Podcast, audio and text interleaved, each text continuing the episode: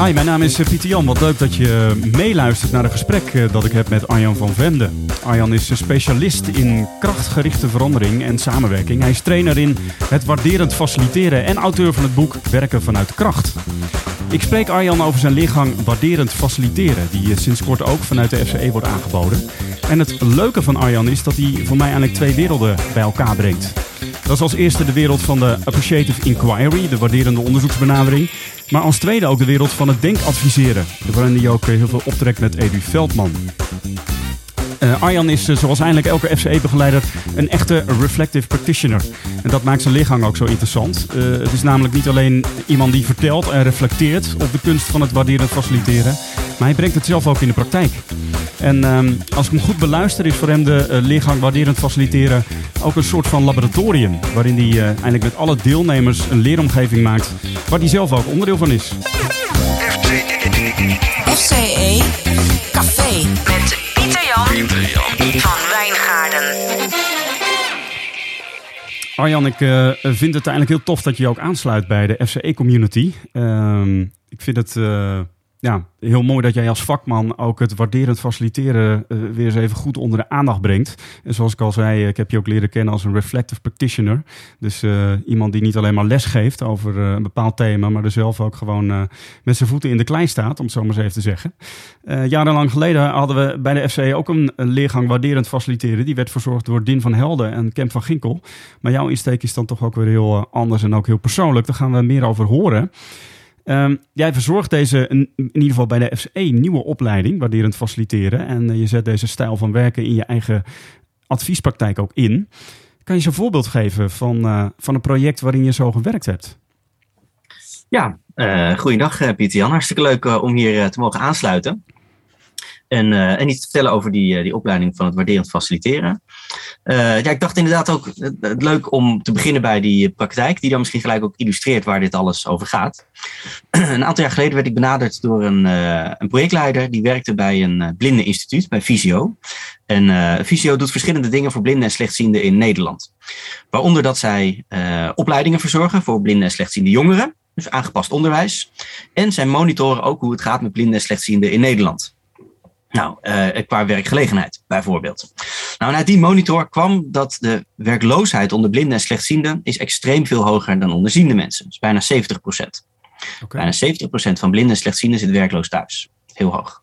En tegelijkertijd geeft deze uh, instelling dus les aan jongeren, aan tieners. En proberen ze die tieners te motiveren om een huiswerk te maken, want dat is belangrijk om later een carrière te kunnen beginnen. Ja. En tegelijk weten we al dat van dat klasje van tien een grote kans is dat er straks zeven werkloos thuis blijven zitten. Nou, het bestuur van deze uh, van Visio heeft toen bedacht om daar uh, ja, een, een, activiteit op te zetten.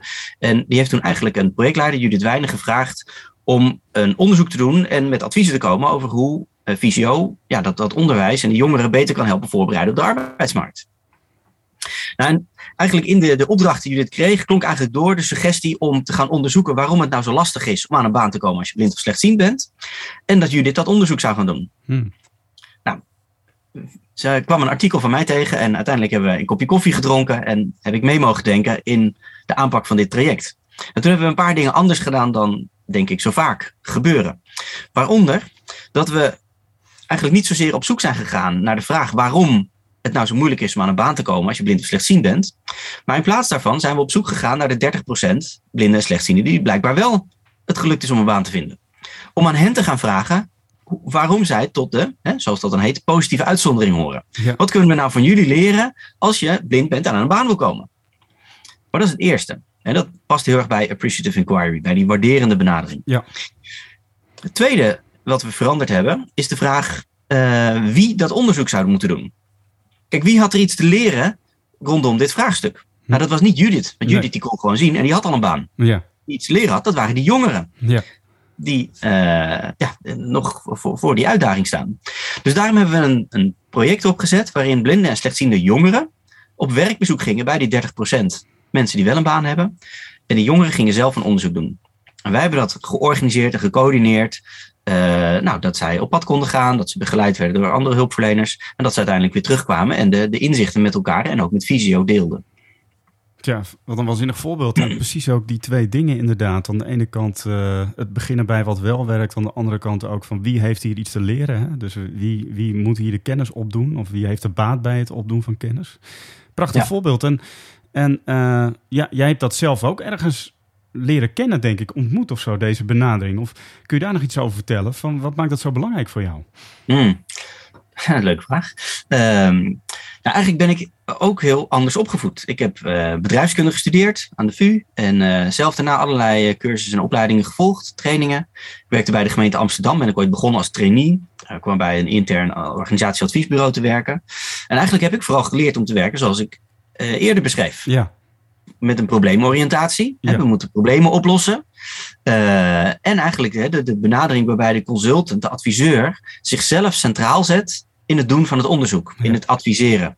En um, ja, gaandeweg is er ja, van alles op mijn pad gekomen. Daarin eh, studeer en lees ik alles wat ik, uh, wat ik tegenkom. En um, denk ik dat ik langzaam een soort kanteling gemaakt heb, waarin ik dus nu veel meer uitga van die waarderende benadering en niet meer die faciliterende benadering. En hoe kan ik nou faciliteren dat de mensen die het aangaat zelf hun denkstappen gaan zetten? Nou, en dat is een heel proces van jaren geweest, waarin ik uh, ja, waar ik dus dat leuk vind om daar bewust mee bezig te zijn. En, uh, en die opleiding waarderend faciliteren is daar nu een soort uitkomst van. En dus mijn, mijn vermogen om dat nu onder woorden te brengen, dat, ja, dat is langzaam gegroeid. Ja, dat, dat, eh, dat is langzaam gegroeid en uh, dat, daarmee ben je nu anderen ook van dienst in de leergang. En dat is in de leergang ook nog groeiende, als ik je goed begrijp. Ja. ja.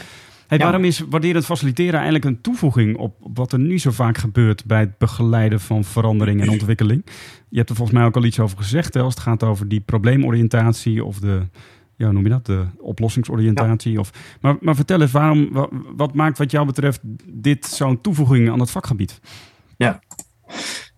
ja. toen ik daar voor mezelf over nadacht, toen moest ik denken aan de, aan de bekende, ik denk voor veel mensen bekende SWOT-analyse. Ja. De sterkte, zwakte, kansen en bedreigingenanalyse. Een schijnbaar gebalanceerd model. Twee keer een negatieve focus, uh, bedreigingen en, uh, uh, en zwaktes. En twee keer een positieve focus, de sterktes en de kansen. Ja. Um, maar in de praktijk denk ik dat, dat je ziet dat die negatieve kant heel vaak een soort zwaartepunt krijgt. Er gaat heel veel, gaat heel veel aantrekkingskracht uit naar die negatieve kant. Ja, gek hè? En wat je ook ziet is dat de SWOT-analyse, wie doet dat? Dat is in de regel de consultant, de adviseur of de beleidmaker. Die is een soort denker die een soort onderzoek doet om daarna aan degene die ermee te maken hebben te gaan vertellen dat zij hun werk anders moeten doen. Hm. Nou, en voor mij illustreert dat een paar dingen waarin ik denk dat waarderend faciliteren anders is dan wat zo vaak gebeurt. Als ik dat probeer uit te splitsen, dan noem ik even drie dingen. Het eerste wat vaak gebeurt is een scheiding van denken en doen en denkers en doeners we gaan eerst nadenken, onderzoeken, analyseren, plannen maken. En op een gegeven moment zeggen we stop met nadenken. Nu is het tijd om dingen te gaan doen. En we hebben een scheiding van denkers en doeners. De denkers, de adviseurs, de managers, beleidmakers. En de doeners, de mensen die ermee te maken hebben. Hm. Tweede wat we vaak doen, is werken vanuit, vanuit wat ik noem een probleemfocus. Ja. Dus we streven eigenlijk naar een afwezigheid van problemen. Naar een soort nullijn van als er nou maar nul fouten en problemen zijn, dan kunnen we tot rust komen. En ook als we dan een probleem vastpakken, dan lossen we dat op. En zodra het is opgelost, dan hoppen we met onze aandacht naar wat nu dan de zwakste plek is. En dan gaan we die proberen te fixen. Het derde is dat er een soort technische benadering is. De, de schijnbare evenwichtigheid van de SWOT-analyse. Um, maar die analyse is eigenlijk ook een soort technisch, is een soort zakelijk, is top-down. Nou, en ik denk dat dat voorbij gaat aan uh, aan de menselijke kant, aan de emoties die mensen voelen. He, dus dat bijvoorbeeld dat er dus die zwaartekracht uitgaat naar de negatieve kant van een SWOT-analyse. Ja. en dat is bij, de, uh, bij het waarderend faciliteren. Kies je dus eigenlijk bewust een meer ja, waarderende of positieve focus. Uh, ik noem dat werken vanuit een wensfocus, gericht op wat nou gewenst is. Um, en dus een, een menging van denkers en doeners. En denken en doen ook veel meer door elkaar heen laten lopen. Ja, dat is, dat, dat is, natuurlijk precies waar ik naartoe wil. Van, uh, want ik herken die bedrijfskundige, als ik het even kort door de bocht zeg, benadering. Ik had een paar um, medestudenten in mijn studentenhuis wonen in Enschede die bedrijfskunde deden. Nou, die sloegen je om de oren met SWOT-analyses, om het zo maar eens even te zeggen. En, en inderdaad mm -hmm. ook ja, op de een of andere manier gaat dan toch je aandacht uit naar wat er niet goed gaat. En denk je van, god, dat moeten we egaliseren, moeten we goed maken. En die, die focus van waarderend faciliteren is dus heel anders. En, en wat maakt dan dat dat, wat jou betreft, het antwoord is op, op, op die benadering die je zo net schetste?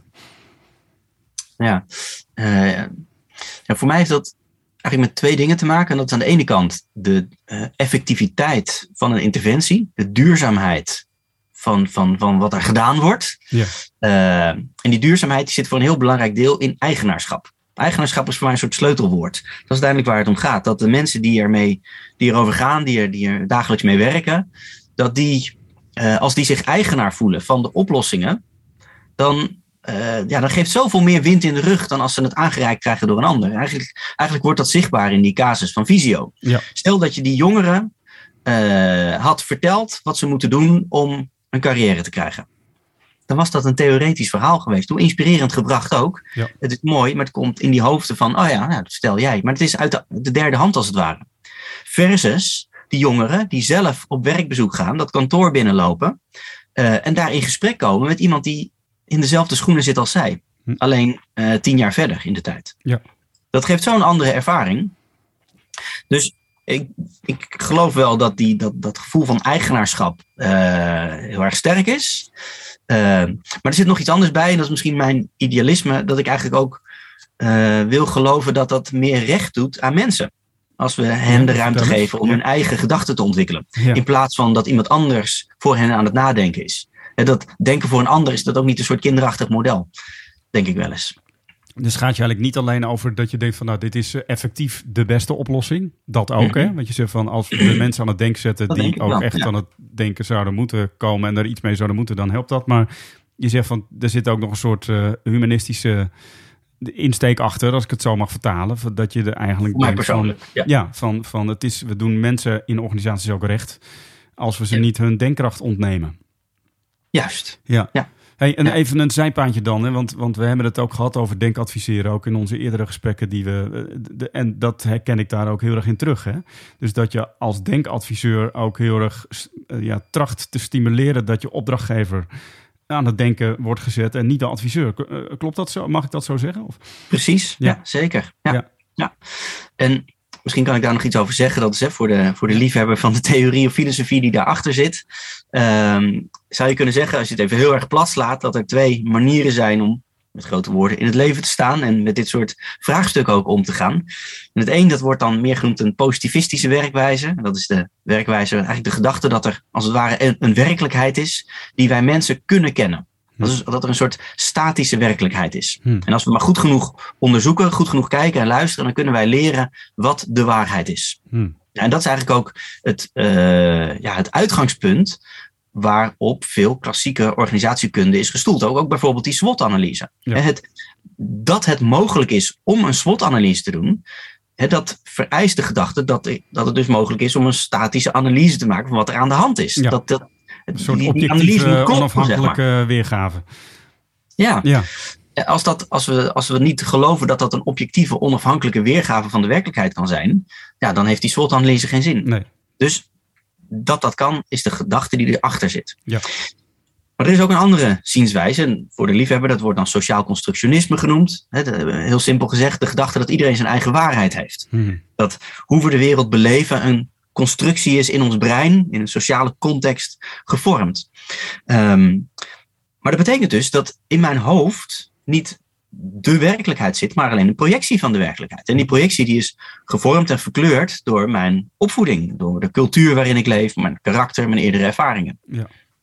En als je daarbij stilstaat, dan betekent dat dus dat het uh, eigenlijk te verwachten is dat twee mensen in dezelfde situatie een verschillende beleving kunnen hebben van diezelfde situatie.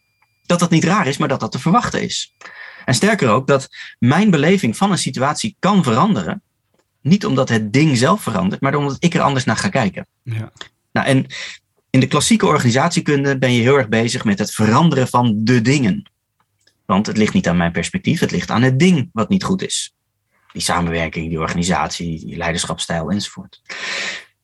Vanuit het sociaal constructionisme, en dat is dus heel erg bij wat waarderend faciliteren past, is, is er veel meer die erkenning dat de werkelijkheid op vele manieren te zien is En dat het dus ook mogelijk is voor mijzelf om op nieuwe manieren over mezelf te denken, over de ander te denken, over mijn vraagstuk te denken. En als ik op andere manieren ga denken, kunnen ook andere oplossingsmogelijkheden ja, in beeld komen. En dat is eigenlijk waar dat alles bij het waarderend faciliteren ook over gaat. Eigenlijk wil ik faciliteren dat de mensen die erbij betrokken zijn, op nieuwe manieren over zichzelf, elkaar in een vraagstuk gaan nadenken. En dat leidt tot ander gedrag. Wat zeg je dat mooi. Ik moet ook echt denken aan een moment wat ik tijdens mijn studie onderwijskunde uh, beleefde. Want je hebt het over organisatiekunde, maar deze perspectieven kennen we ook in de, in de, in de onderwijskunde. En het zegt dus ook alles over hoe je kijkt naar leren. Dat ik echt denk van wow. Ja, um, een, mijn traditionele manier van kijken naar onderwijs en leren zit er misschien in dat positivisme. Van er is één waarheid en die moet je de kinderen leren kennen. Als je naar onderwijs kijkt en als je vertrekt vanuit dat sociaal constructionisme, constructivisme, dat zijn misschien wel woorden die je door elkaar gebruikt. Maar ja. Dat, dat, dat betekent zoveel anders voor hoe je onderwijs inricht. Ja. Dus uh, het is wel weer heel mooi dat dat in dit gesprek ook aan de orde komt. Ja. Het is ook een leuk haakje dan naar de, de, de leergang. Ja. Uh, in de leergang probeer ik zelf dus ook niet een soort docent te zijn die kennis overdraagt. Nee, dat, dat zou wel tegenstrijdig zijn. Ja. ja uh, ik probeer uh, ja, een setting te creëren waarbinnen we met elkaar aan het leren zijn. Ja. Ja, nou, het is dan wel weer fijn om te horen dat je het wel goed kunt uitleggen. Uh, zo in dit gesprek, Arjan. Hey, je hebt ook een geluidsfragment meegebracht om het een en ander te illustreren. Wil je daar vooraf iets over zeggen of zal ik het gewoon instarten? Ik gebruik vaak uh, allerlei metaforen, uh, optische illusies, goocheltrucs om, om stukjes te, ja, tot leven te wekken zeg maar, van de theorie. En er is een heel bijzonder geluidsfragment wat dus ja, uitstekend werkt voor zo'n podcast. Dus daarom dacht ik Laten we die eens afluisteren. Laurel. Laurel. Laurel. Laurel. Laurel. Laurel. Laurel. Laurel. Laurel. Laurel. Vraagstuk, wat hoor je? Ja, wat hoor ik? Ik hoor, uh, maar ik zie hier ook iets op een scherm bewegen. Uh, en daar staat de tekst Laurel. Laurel. Ik moest mhm. meteen denken aan Laurel en Hardy van, uh, van, de, van de, de, oude zwart-witte films. Oh. Ja. Dat, uh, dat hoor ik. Mm -hmm. Dat is wat jij hoort, ja. ja. Wat hoor jij? Ik hoor ook Laurel. Uh, maar ik heb dit geluidsmoment vaker gehoord. En de eerste keren dat ik het hoorde, hoorde ik Jani. En, um, en dat is het fascinerende van dit geluidsfragment. Als je dit geluidsfragment aan 100 mensen laat horen, dan zijn er sommige mensen die horen Laurel en andere mensen die horen heel duidelijk Jani. Ja. En dat zijn twee totaal verschillende woorden, zou je zeggen. En toch zijn ze allebei te horen in ditzelfde fragment. En dat klinkt bizar. Ja, dat klinkt zeker, zeker uh, bizar. Want ik kan me niet voorstellen... Ik, ik, zie wel dat Janni is ook onderdeel van de titel. Dus dacht, er zal wel iets mee zijn. Maar uh, ik ik, uh, ik trachtte ook de tweede keer te luisteren alsof ik Janni hoorde, maar dat is me nog niet gelukt. Dus, maar dat ga ik ja. op een later moment dan nog eens proberen. Dus het klinkt inderdaad voor mij echt alsof dat is niet mogelijk om daar Janni in te horen. Ja, en het is dus echt zo. Ja. En, en dat, dat ja, erkennen dat dus iemand anders iets totaal anders kan horen dan dat ik kan horen, wat dus eigenlijk mijn, mijn verbeeldingskracht ver voorbij gaat. Ja uh, ja, is toch wat denk ik wel een heel belangrijk fundament om die waarderend faciliterende benadering. En, um, uh, en waar het wat mij betreft dan eigenlijk om gaat, is dat je bij het waarderend faciliteren de mensen met elkaar in gesprek brengt, die, ja, die er dus mee te maken hebben en die dus allemaal verschillende meningen, belangen, visies op hetzelfde vraagstuk hebben. Ja. Eigenlijk de ontmoeting tussen Laurel en Jani, ja. die met elkaar in gesprek raken over hoe doen we de dingen en hoe willen we het nou eigenlijk doen met elkaar. Ja, Hey, dus dat doet me ook al een beetje denken, dat is een thema waar ik me ook wel mee bezig gehouden heb in het verleden, is dat, dat, dat het komt ook een beetje speels over, zeg maar. Alsof je eigenlijk een spelende wijze elkaars perspectief wat meer leert kennen. Ja. Um, ja, is dat spelenderwijs? Ja, spelenderwijs klinkt misschien een beetje uh, kleuterschoolachtig. Maar ik bedoel meer van spelen is ook ontdekken. En uh, zeg maar op onderzoek uitgaan. Dat, dat is het dan meer misschien. Ja. Nou, het woord dat ik daar misschien voor gebruik zou zijn uh, je verwonderen. Ja, precies. precies. Verwondering ja, ja, ja, de, de ontmoeting hebben met elkaar. Ja. En um, heeft natuurlijk heel veel te maken met, met goed luisteren naar wat die ander dus te vertellen heeft. Ja. En waarbij je dus niet eigenlijk in het patroon komt dat ik ga beargumenteren wat ik hoor. Maar juist vragen gaan stellen over wat jij hoort. Hoe jij de dingen beleeft. En Ja. daarom wordt waarderend faciliteren eigenlijk, noem ik dat ook wel een soort, de, eerder de kunst van het luisteren en vragen stellen, dan de kunst van het uitleggen en overtuigen. Ja, ja dat, eh, dan, eh, dan komen ook meteen weer bij, mij die twee perspectieven naar boven van het positivisme en het constructionisme. Ja, Ja. ja. Eh, Misschien toch nog, ik had een, ook een tweede geluidsfragment. Ja, En we hadden even, ik had eigenlijk bedacht, misschien is het leuk om die helemaal aan het einde te doen. Misschien is het ook wel leuk om hem gewoon nu te doen. Ik weet niet of dat voor jou ook mogelijk is. ja hij, zei, staat hier klaar, dus ik start hem in. Ja. En dan, wacht eventjes, dan Ja. kan ik er al bij zeggen dat het woord wat je nu gaat, of de klank die je nu gaat horen, is ook weer op twee manieren te beluisteren. En ehm, voor mij werkt deze nog wel heel erg goed. En dat is namelijk, je kan erin horen eh, brainstorm en je kan het woord green needle horen. Dus groene naald. Of brainstorm. Nou, ik- En wat dus voor mij fascinerend is, dat ik als ik dit geluidsfragment luister, kan ik zelf kiezen wat ik hoor. Dus als ik voor mezelf bedenk, ik ga nu brainstorm horen, dan hoor ik brainstorm. Kies ik, ik ga nu green needle horen, dan hoor ik green needle. En eh, terwijl dus het geluidsfragment exact hetzelfde is. ik ben heel benieuwd. We gaan het eh, beluisteren. Ik ben benieuwd wat jij hoort.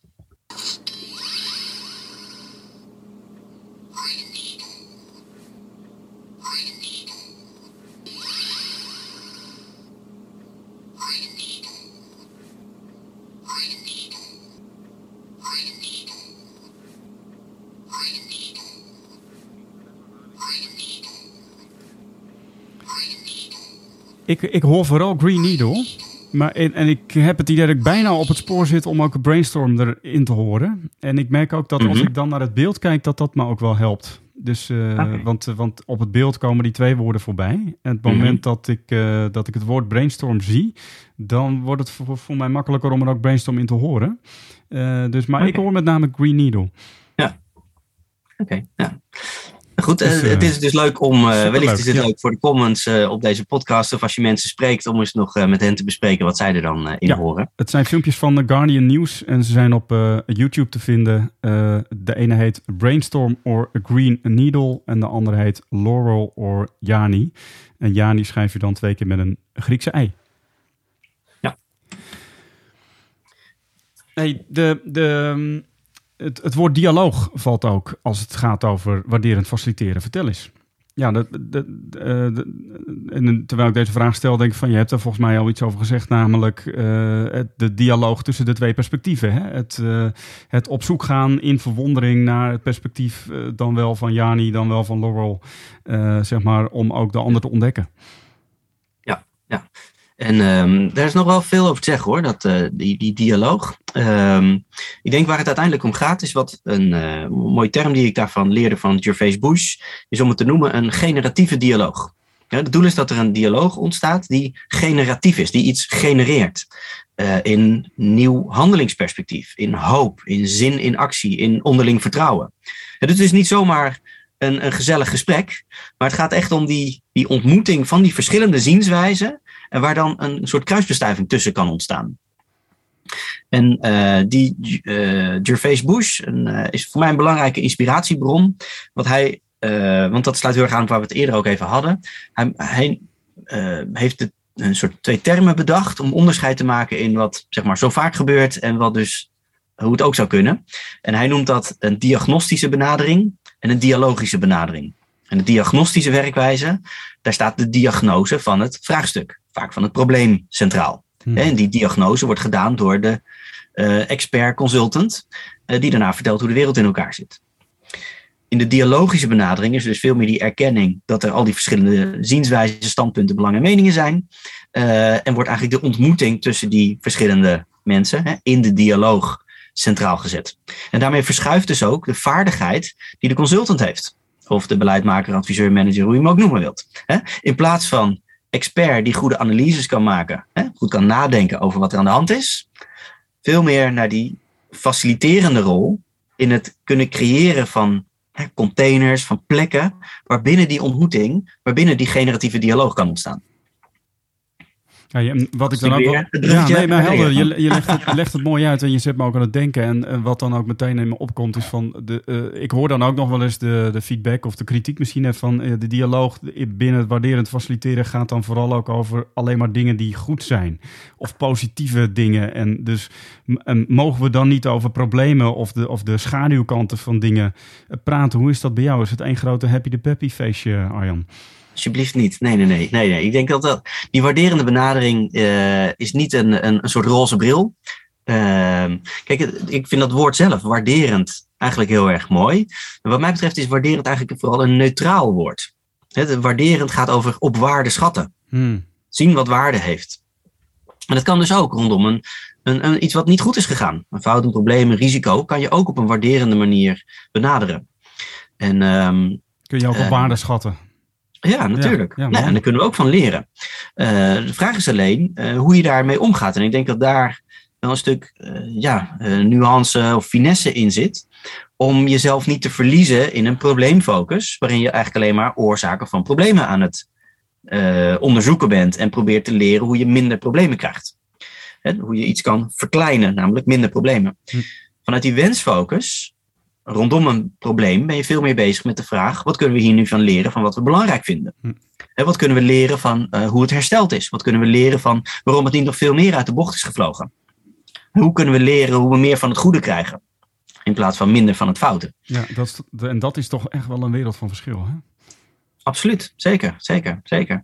Kijk, het, de waarderende benadering wil juist niet eh, voorbij gaan aan mensen. Het is een hele menselijke benadering. Dus als er iemand of een groep tegenover je zit, die helemaal vol zitten met, hun, met, met iets wat niet goed is gegaan, ja, dan, en je zou daaraan voorbij gaan door te zeggen: nee, we mogen het niet over slechte dingen hebben.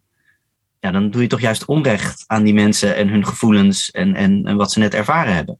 Nee, dus de waarderende benadering zou daar dan dus juist ruimte voor hebben. Wat een prachtige ook, eh, ja, wereld van gedachten die hier helemaal achter schuil gaat, eh, Arjan. Ik, ik vind het ook bijna, eh, het raakt ook aan filosofie, hè? Zeker? Ja. Dus, Ja. Zou je jezelf ook als filosofisch omschrijven? Of is dat iets waar je een soort voorliefde voor hebt? Om ook, om, om, om- ja, bijna ook terug te gaan naar de bron, hè? Van waar de gedachtenvorming is ontstaan of zo. Hm, Andere mensen zeggen dat wel eens van mij, maar ik zou mezelf zeker geen klassieke filosoof noemen. Ik ben, ik ben geen, eh, daarin eh, heb ik nog steeds veel te leren, zeg maar. maar Ja, maar mijn filosofieleraar die zei altijd een filosoof eh, ben je en kun je niet worden bij wijze van spreken. Dus wie weet eh, Ja. is het Ja. toch ook iets om anders naar jezelf te gaan kijken. ja, Ja. het is meer de soort, eh, ja, ik studeer wel alle, eh, allerlei eh, theorie, filosofie, eh, mystieke filosofie kan heel erg interessant zijn. Dus eh, Ja. allerlei, alle- alles wat in de religies verteld wordt, daar- daarin ben ik, voel ik mezelf niet gebonden aan één stroming, zeg maar. Nee, nee, nee, nee. nee. Kan ik dat allemaal als een soort antropoloog, Vrije denker. kijk ik alles. Ja, Ja. ja. Mooi. Nou, en- associeer ik me graag Ja. mee. Ik ben ook wel echt benieuwd naar die, naar die leergang, hè, waarderend faciliteren. Want wat betekent het wat je nu allemaal vertelt zo voor die opleiding? Wat leer je daar eigenlijk? Kun je ons eens meenemen? Ja.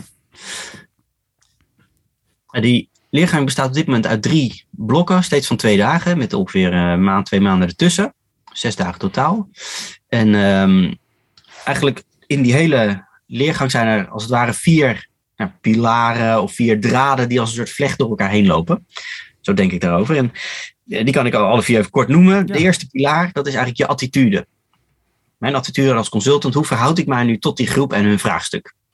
Ehm, eh, en ik denk dat het meest kenmerkend daarvoor dus is die waarderende benadering. Die benadering, de gedachte dat er dus vele waarheden zijn, dat er vele manieren zijn om ergens mee om te gaan. Ehm, vertrouwen in de vermogens van die groep om hun denkstappen te zetten. Eh, is ook een hele belangrijke. Ehm, nou, en een tweede pilaar, dat is kennis van werkvormen. Het, het helpt gewoon mee om ja, eh, structuren te kennen over hoe je vraagstukken kan afpellen. Zowel in een ruimte in een, tijdens een sessie als in een langer traject. Hoe, bijvoorbeeld dat traject zoals het ging bij het Blindeninstituut. Hoe pak je dat nou aan zodat die jongeren zelf hun onderzoek gaan doen? Eh, de derde pilaar, dat zijn je vaardigheden. En ik denk dat die vaardigheden die manifesteren zich vooral in de interactie met je opdrachtgever of met die groep. Hoe kan je in de, in, in de heat of the moment met je vragen en suggesties een katalysator zijn van die generatieve dialoog, van die verbinding, dat onderling vertrouwen. En de vierde pilaar, dat is uh, het, het, slim kiezen van de setting waarbinnen dingen gebeuren. letterlijk zit je in een ruimte met of zonder tafels. hoeveel tijd neem je voor een traject? hoeveel mensen zijn erbij betrokken in, in die gesprekken? Nou, daar kan je ook ja, dat zijn knoppen om aan te draaien die wind in de rug geven. Ja, precies. Dus als ik het als dus die vier pilaren, ik heb het ook even meegeschreven, dan hoor ik met name in de tweede en de vierde echt ontwerp kwaliteiten. Dus het, het, eh, het kennis hebben van bepaalde methoden die je kunt inzetten. Het maken van een leeromgeving.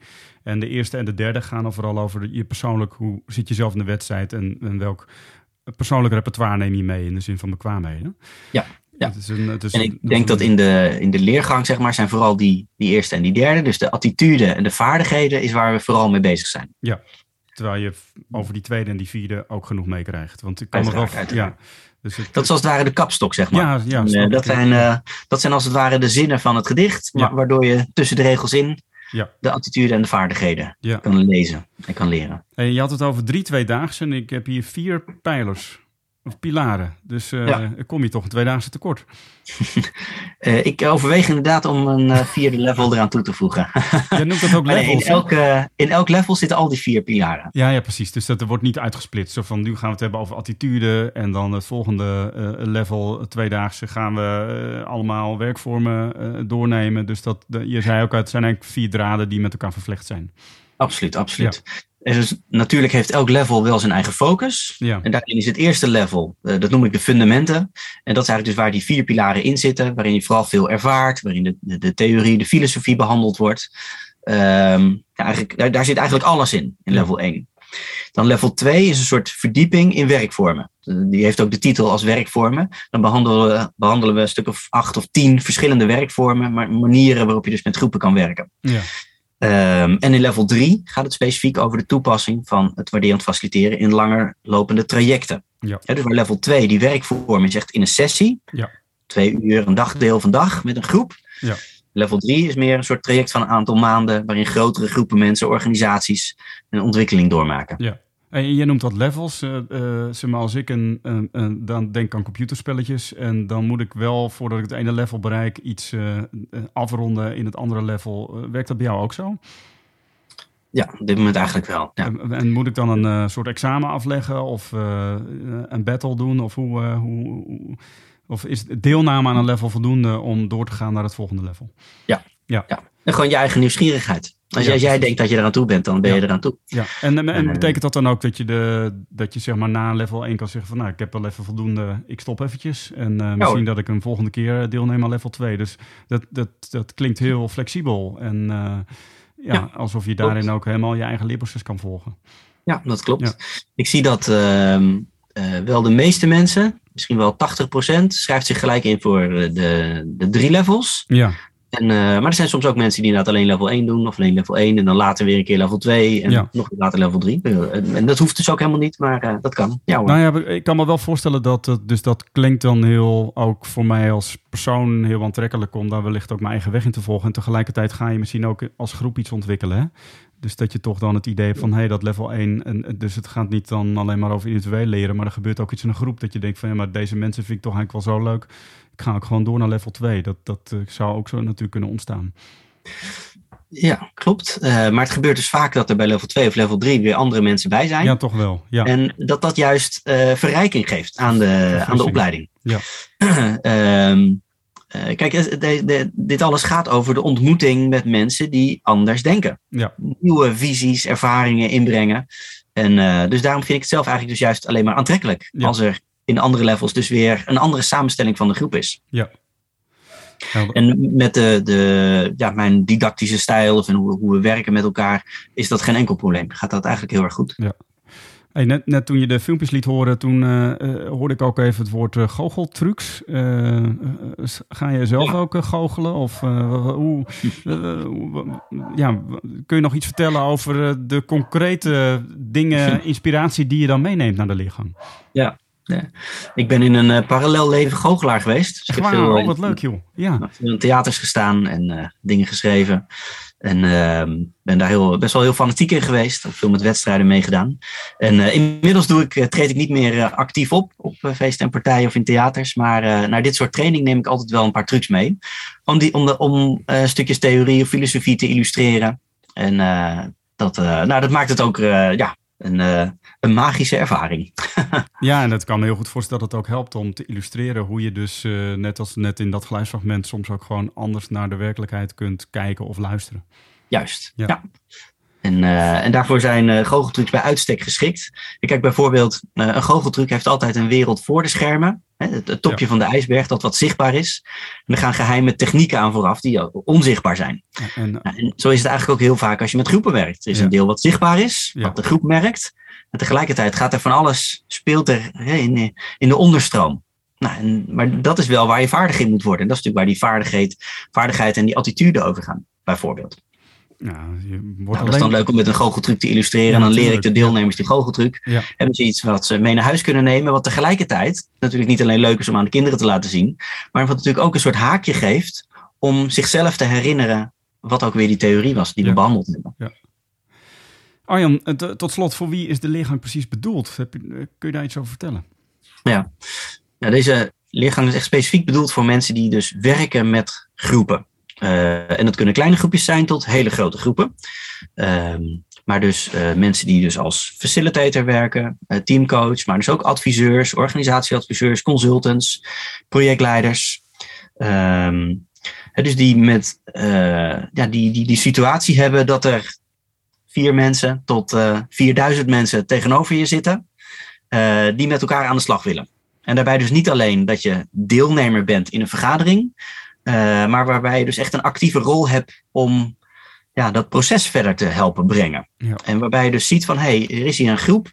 En door mijn bijdrage kan ik misschien een katalysator zijn, een versneller zijn van wat, wat er binnen die groep gebeurt. Hm. Aan, aan, aan inzichten, aan onderling vertrouwen, aan zin in actie, handelingsperspectief. Nou, en hoe kan ik daar nou effectief in zijn? Ja. En je noemt dan het minimale aantal van vier. Is dat, heeft dat een bepaalde gedachte? Of, uh, nou, Nee, hoor. ik- misschien dat er een gedachte achter zit van pas bij vier kun je een goede dialoog voeren. Of, uh, uh, Nee hoor, nee, nee, Dus dat nee. kunnen. Eh, we in, de, in, de, in de leergang doen we ook veel oefeningen één op één. Dus, ja, eh, precies. precies. ik hoor ook mensen die bijvoorbeeld coaches nemen ook deel en vinden het leuk. Ja, ja. Hoor. Arjan van Vemde, initiator en begeleider van de leergang Waarderend Faciliteren. Eh, super tof om weer met jou te spreken over wat jou drijft en hoe we met je kunnen optrekken in deze leergang. En ook super tof dat we er nu een microfoon bij hebben gezet en dat we dit gesprek hebben opgenomen. Heel graag gedaan. Hartstikke leuk. Eh, Dank voor het luisteren naar deze podcast. Eh, Wil jij meer informatie over de leergang Waarderend Faciliteren? Kijk dan even op de website van de FCE. En eh, dat is www.corporateeducation.com. En tussen de woorden corporate en education zet je een minteken of een streepje. Dus www.corporateeducation.com. Of je zoekt contact met onze coördinator, dat is Rachel van der Werf. En dat gaat via info.corporateeducation.com. Dus via de mail info.corporateeducation.com. Deze podcast Deze podcast werd geproduceerd door Kessels Smit Kessels Smit. Broadcasting.